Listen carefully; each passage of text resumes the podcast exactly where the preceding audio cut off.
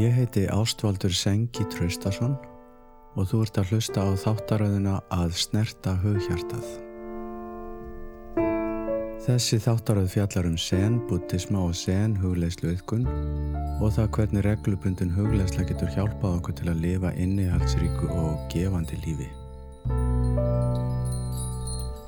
Þessum þætti langar mig til þess að segja frá veturtvöl minni og konunum minnar á Sonoma Mountain Zen Center í Kaliforni árið 2000 og einni frá því hvernig hjónavíksla er í Zen buddhisma og hvernig sasinnithkun getur hjálpað okkur til að lifa í sátt og samlindi með okkar maka, fjölskyldu og vinnum.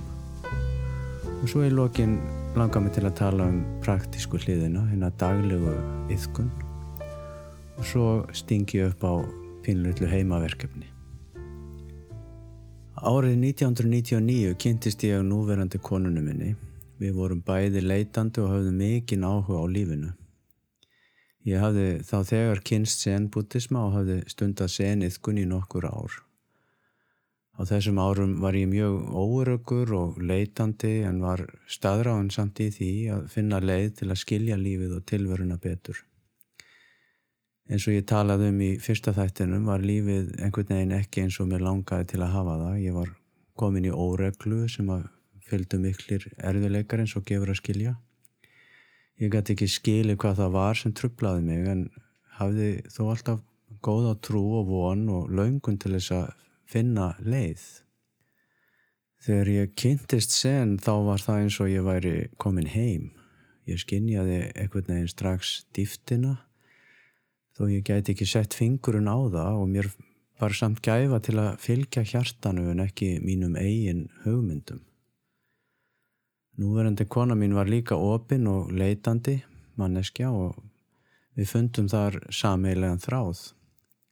Við höfum bæði ótrjótandi áhuga á lífinu og, og því hvernig best sé að verja lífinu sem líður hjá á ógnar raða. Mér er það sérstaklega minnistætt að ég bauð henni með mér í kvöld setu með sen á Íslandi eitt fymtudagskvöldið. Þetta voru tvær setur, 40 mínútur hvor með gönguhulislu á milli og lítilli kyrjun í lokin. Kertaljós og reykjelsi, mjög romantist. Þetta var fyrsta reynsla hennar á Sasen hugleislu. Sen á Íslandi var þá í millibils, ástandi og legði lítið kvistherbergi á Suðurgötunni í miðborg Reykjavíkur. Eftir þessa reynslu var þó grunnsamlega lítið talað um sen á heimilinu og ég mér var, mér var að fara að renni í grun að ég hefði algjörlega ofbóðið hann með þessari framleipni minni ég held þó áfram að yfka eins og ekkert hefði í skórist en var þó ekkert að halda sen meira að henni og hugsaði með mér að þessi yfkun höfðaði til hennar og hann að borð myndi hún sjálf finna út úr því. Hún saði mér svo reynda frá því setna að þetta hefði verið mikil reynsla fyrir sig og henni hefði fundist þetta mjög sérkennilegt að sitja svona lengi kyrr. Hafði þetta fólk ekkert betra við tíman að gera en að setja kyrra og púða í svona langan tíma? Tvisa svona 40 mínútur. Er þetta ekki hámark tilgangsleysisins hugsaði hún þetta var sem sem bara mjög góð spurningi sjálf um sér. En þessi reynsla hafi þó greinilega vögvað eitthvað lítið fræ hjá henni því að um haustið sama ár kom hún með mér í skálholt á árlega huglegslu daga með sen á Íslandi sem kallaður eru Sessin. Ég beitti hann engum fortölum og hún ákvaða það algjörlega sjálf að koma. Og þar kynntist hún kennar okkar Jagusho Kwong Rosi að, en hann hefur komið árlega til Íslands til að kenna sen allar götur síðan 1987. Hún hefði þá haft tíma til að jafna sig á kvöldsettinu góðu á Suðurgötunu og var orðin nokkuð forvitin og henni leist líka strax mjög vel á kennaran hann Rósi. En hann er afskaplega mildur og næmur kennari. Mér fannst þetta allt saman lofa svo góðu að árið setna bæði hann að koma með mér í klöstur vestur í Kaliforníu. Í hálft ár. Og viti menn, hún sló til og þá var ekki aftur snúið. Þetta voru nokkuð stórstígar ákvarðanir frá einni kvöldsötu í, í klaustur á einu ári Kennari okkar Rósi eins og hann er jafnum kallaður er stopnandi og ábóti Zen Seturs í Sonoma síslu í Kaliforníu sem heitir Sonoma Mountain Zen Center. Ég hafði nefnda við Rósi þegar hann var hér á Íslandi hvort að það væri ekki möguleiki fyrir mig að koma til hans vestur um haf og dvelja veturlánt. Og hann tók bara mjög vel í það og ég var svo sem ekki viss um það að konan mín væri til í það að koma með mér en ákvaða að láta slag standa og spyrja hana hvort hún kæmi ekki bara með mér í klaustur. Þetta var auðvitað mikil viðbrið fyrir hann að fara úr einni kvöldsötu yfir í dasgrán á Sónómafjalli sem var öðruvísi en við áttum að venjast. Það voru auðvitað líka mikil viðbrið fyrir mig og kannski ekkert sem að getur undibúið nokkurt mann fyrir slíka dvöl. Mér langar kannski aðeins til að segja frá því hvernig svona venjulegur dagur er á Sónumafjalli. Dagurum byrjar þannig að klaustur klukkanum er hringt klukkan 5 á morgni og þá förum við á fætur og, og beint í Sasen og Kirjun sem að tekur kannski rúmlega einn og hálfan klukkutíma og svo eftir það er, er stutt klaustur að þar sem allir vinna sem einn maður í 20 mínútur við að gera hreint. Og svo er stutt hlið og morgunmatur. Eftir morgunmatin er síðan unnið til háttegis þarna er stór maturstakarður þar sem er ræktað ímiðskonar grænmiti og kryddjúrstir og og það var alltaf einhver í eldúsinu að undurbúa matinn og, og svo er það viðhald og allt sem bara fylgir því að reka svona stóran stað. Það voru næg verkefni. Þegar við vorum þarna þá byggu tólf manns á staðnum og við vorum sem einn fjölskylda. Við kyrjum öll saman og undan hátíðisverðinu sem var klukkan tólf. Eftir hátíði var svo vinna frá hálf tvö til fjögur og svo kvöld verður klukkan 6. Kvöldsarsin var svo frá hálf átta til nýju á kvöldin og eftir það var bara háttatími. Svona gekk þetta alla virka daga. Við fengum frí eftir háti á lögutum og sunnudag voru kvíldadagar. Þessi döl hafði gríðarlega mikil áhrif á okkur bæði Þetta var alls ekki alltaf dansarósum eins og nærim á geta. Því á stað eins og Sonoma Mountain Zen Center er erfitt að fjela sig og maður er mjög berskjaldadur. Íðkunin er sterk og náleg og það er erfitt að ylja sér við vana minnstunni sín eins og maður kunni nú best. Það má segja að þessi dvöl okkar á Sónumafjalli hafi samt verið svo kjölfesta sem við byggjum enþá á 20 árum síðar. Hún gaf okkur svo sannlega nýja sín á lífið, eitthvað sem við höfðum ekki kynst áður. Þó svo að þessi dvöl hafi aðeins verið byrjunin á okkar vegferða að þá skinnjum við bæði dýftina í kjenslunu og Það að sasen yðkun er ekki eitthvað sem hægt er að lesa sér til um eða skilja á hefðbundin hátt. Yðkunin er handan orða og alveg eins og lífið okkar og okkar allra og bendir á lífið í sinni tærustu mynd áður en við segjum nokkuð um það. Lífið sem er alltaf hér og nú. Þessari fallegu og sterku yðkun er erfitt að lýsa með orðum en hún er aðgengileg öllum alltaf, hvar og hvena sem er. Ári eftir að við komum heim báðum við Rósi um að gifta okkur. Þessi sterkar einsla okkar begja á sónumafjalli hafði þrátt verir allt, færst okkur nær hvort öðru og við fundum bæði að þessi yðkun hafði gert okkur sterkari, opnari og einlægari gagvart hvort öðru og okkar sambandi. Rósi gaf okkur saman á Íslandi árið 2002 í fallegri og látlausri aðtöfni anda sen. Þar gengum við inn í þögnina í helgu sambandi til að verða eigin maður og eigin kona. Okkur hafði lærst að í sen hafa aðtapnir þann eina tilgang að vísa á stóra hugan, lífið sjálft, kyrðina, lífið sem við lifum öll en fáum ekki skilið. Og saman leituðum við skjóls í butta, hinnum tæra huga, darma, hinnum tæra sannleika og sanga hinnu tæra lífi. Við höfðum líka yfir lífskildin fimm sem eru óandalega djúb og falleg. Við langar til þess að lesa þau fyrir þig og til þess að gefa þér örlittla insýn í aðtöfnina.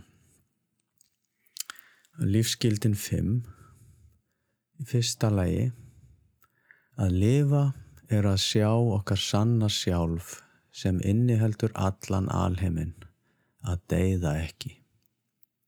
Og nummið tvö Að lifa er að kunna að meta innra virði allra hluta, að stela ekki. Númið þrjú. Að lifa er að bindast ekki löngunum og væntingum, að vera ekki gráðugur. Og númið fjögur.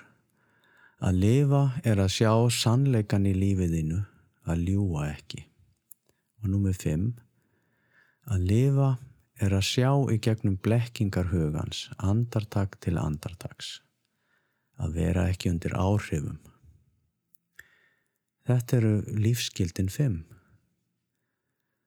Rósi fór fyrir aðtöfnin eins og fyrir segir, það var þó eitt vers sem að Rósi hafði yfir sem að hefur fyllt okkur báðum í gegnum þygt og þund. Þetta vers er alltaf lesið upp þegar fólk er gefið saman í senbútisma og það hljóðar svona. Lífið er fullkomlega kyrt, það er án óróleika og spennu. Það er alltaf kyrt á óháð því hvort líf þitt er átaka mikið eða lengt. Þessi kyrð sem í raun við heldur lífi okkar kallast búta líf treysti þessu lífi í hvort öðru á djúbstæðan hátt. Það eru nú komin 20 ár síðan ég síðan og, og ég vissi í raun ekki hvað þessu orð þýttu þá. En ég hafði góða tilfinningu fyrir þeim. Ég skinjaði einhvern veginn, einhvern leindardóma, einhverja dýft og ósnertanleika en um leið eitthvað nálægt og venjulegt. Þessi orð hafa fyllt okkur hjónum í gegnum þygt og þund og við höfum oft vitnaðið þau þegar á móti blæs. Og líka þegar velgengur því að þau eiga alltaf vel við. Ekki síst fyrir fólk sem ætlar að ganga lífsins veg hönd í hönd. Að hafa þetta yfir ásamt þeirri manneski sem þú vilt eigða æfinu með er mjög stert og ristir djúft. Núna þegar ég er sjálfur orðin kennari og prestur og farin að gefa fólk saman og þá les ég þessi orð fyrir tilvonandi brúðhjón. En hvað þýða þessi orð eiginlega? Lífið er fullkomlega kyrt og án óróleika og spennu sama hvað gengur á. Það er alltaf gott að finna það að lífið er alltaf í fullkomnu jafnvægi, fullkomlega kyrt.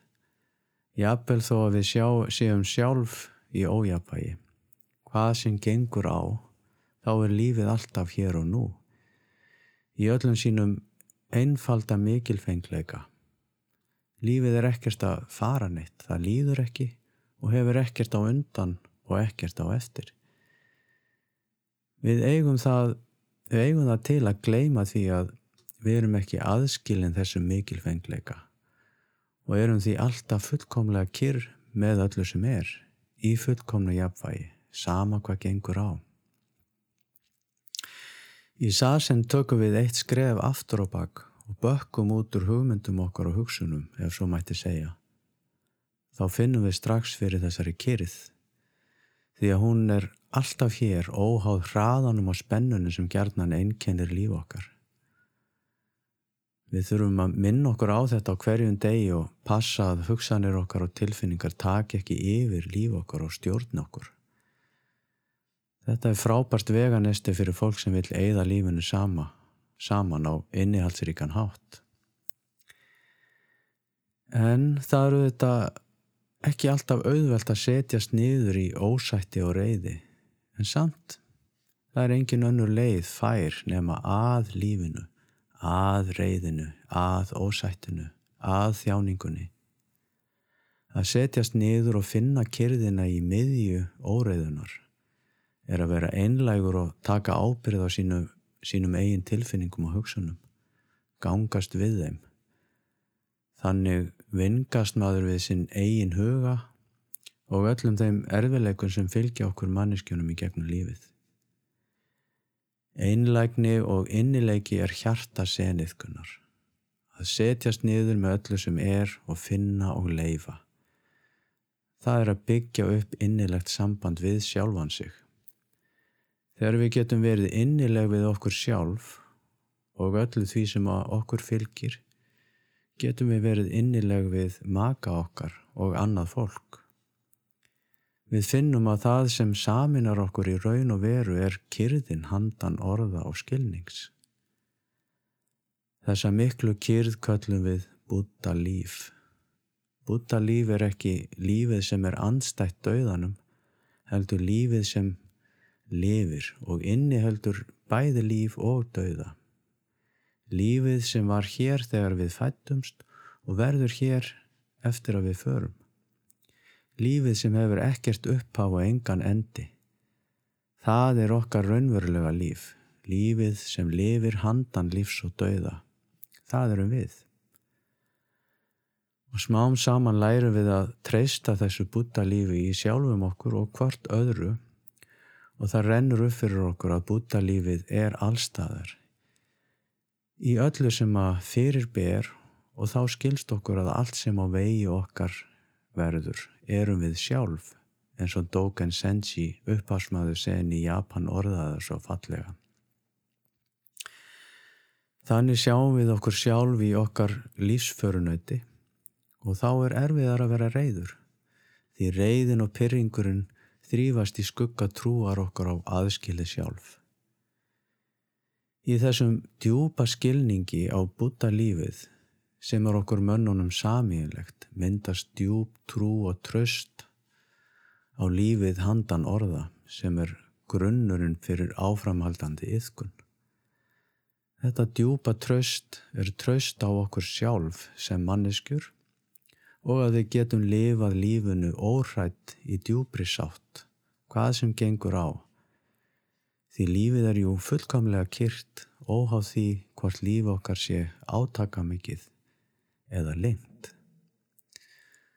Bútalífið viðheldur lífi okkar og gerur okkur kleift að vera frjáls. Lifa og hugsa um fortíð og framtíð án þess að festast. Jáfnvel þegar við keirum á 90 km hraða eftir þjóðveginum er lífið fullkomlega kyrt.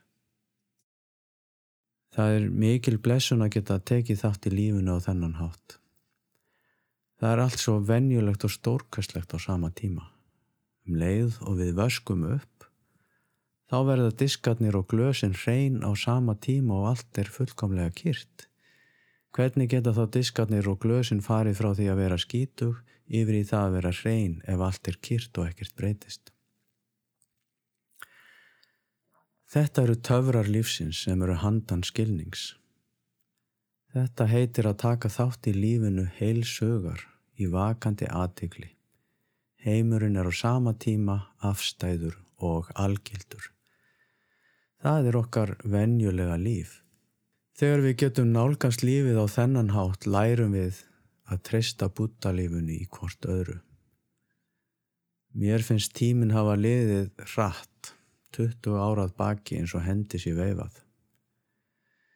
Mér verður oft hugsað um lífslaupið okkar, hversu hratt það líður og í raun Hversu miklu máli það skiptir að lifa því vakandi og í sátt, finna kyrðina sem er alltaf til staðar, vera samstiga lífinu og meðvituð um það hvað það er að vera manneskja. Að, lif, að lifa lífinu í ótta og kvíða og í þeirri trú að allt sé aðskilir, aðskilið skapar ótrúlega mik mikil vandamál og erfileika, mikla þjáningu meira en við getum ímyndað okkur. Umhverfisvandin til dæmis er vandi sem á rætu sínar að rekja til þeirrar trúar að allt sé aðskilið. Því ef við myndum skilja það djúblega að allt er eitt þá myndum við ekki koma svona fram við náttúruna því hún er ekkert annað en við sjálf. Sama gildur um alla erfiðleika sem koma upp í samskiptum við annað fólk, okkar fjölskyldu og, og maka. Við skulum því gefa okkur tíma og setjast niður í miðri þjáningun og staldra við, sjá djúft og skýrt og gangast við öllu sem er og taka þannig ábyrð á eigin lífi sem er um leið líf okkar allra, stærra og viðfeðmara en við getum ímyndað okkur.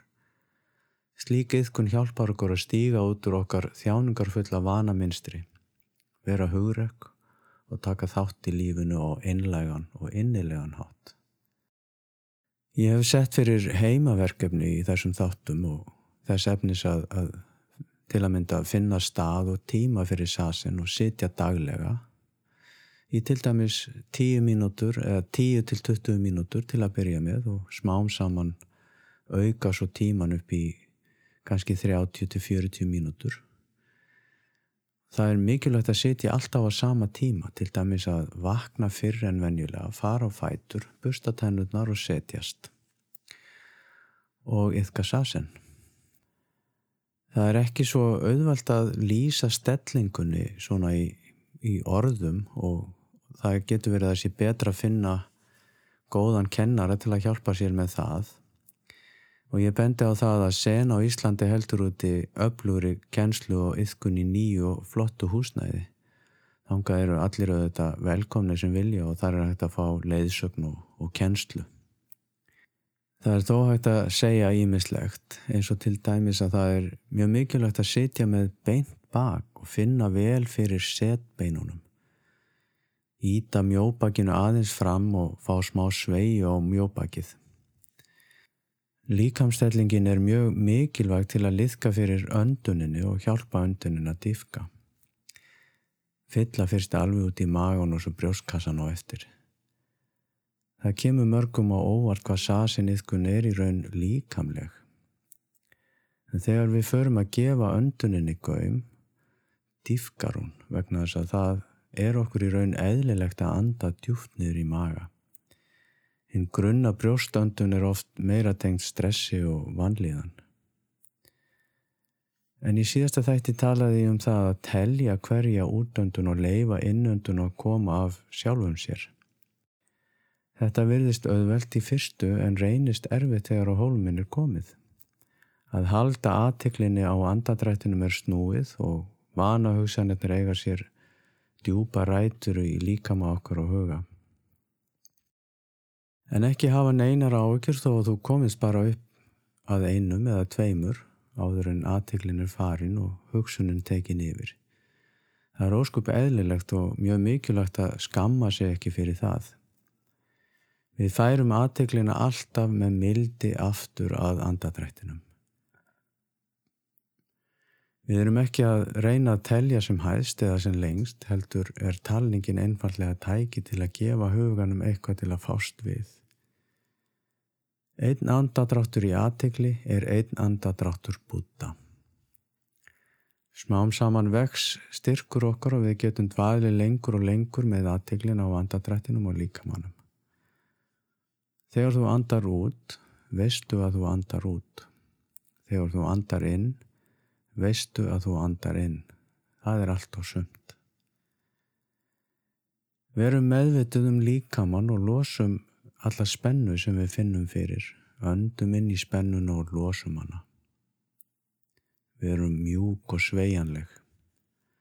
Sasen er í sjálfum sér einfalt í framkvæmt en mjög erfitt að halda áfram og gera sasin að fastri yðkunni sínu lífi og kvika ekki frá yðkunninni. Maður þarf líka að hafa fengið sér full satta af því að reyna að berjast við hugan og tilfinningarnar en það er svo orðist að fyrirfram töpuð. Heimaverkefnið að þessu sinni er að halda jafnri og reglulegri daglegri yðkun. Við langar líka til þess að byggja þig um að skoða hvernig þín vanaminstur eru. Til dæmis, hvað reytir þig til reyði hvað ítir við þér og kallar fram viðbröð. Ekki til þess að reyna að leysa það með einhverjum ráðum, heldur einfallega til að sjá okkur sjálf. hvernig við erum, hvernig við stjórnumst af hugsunum og tilfinningum. Því fyrst er að sjá hvernig við þjáumst og hvernig okkar persónlegi þjáningar kokteil er. Við skulum líka hafa í huga að yðkunin kvílir í trú og trösti á kyrðina og búttahugan, andartækjunu sem við deilum með öllum alheiminum. Ef við höfum ekki trú og tröst og erum ekki tilbúin til að sleppa takinu og eigin hugsunum, munum við ekki meðtaka sasen hvernig sem við reynum. Þegar við erum tilbúin til að sleppa, ofinberast kyrðin okkur. Búttalífið og við höfum möguleika á því að ganga í raunverulegum friði. Það er líka gott að spyrja sjálfan sig að því hversu lengi býst ég við að lifa? Hversu lengi mun ég njóta samvista við fjölskyldu og vini sem ég elska? Lífið er dýrmætt og viðkvæmt og ég senn fallegt og hættulegt. Með því að yfka sasin lærum við að meta líf okkar og lifa heilsugar til fulls. Að lifa til fulls er að vera óhrættur og sjá skýrt að það hvernig við kjósum að lifa lífinu hefur áhrif á allt. Að líf einnar mannesku er ekki aðskilið frá öðru lífi. Ekkert hefur sjálfstæða tilverun, aðskilda frá öllu öðru. Engin á líf sitt einn. Það rennur upp fyrir okkur að í miðju erli hverstagsins gerist líf okkar sem í fljótubræði veriðist óreiðu kent og kvikt. En þegar betur er að gáð sjáum við það skýrt að lífið er fullkomlega kýrt, án óróleika og spennu, óháð því hvað gengur á í lífi okkar. Það er alltaf hér og nú og getur hverki annar staðar verið. Og ef við sitjum hljóð og leggjum við hlustir, þá heyrum við lífið kvísla Vilt ekki vera með Ég óska þér velfarnaðar og blessunar. Ég heiti Ástvaldur Sengi. Þátturinn er á enda. Verið sælað sinni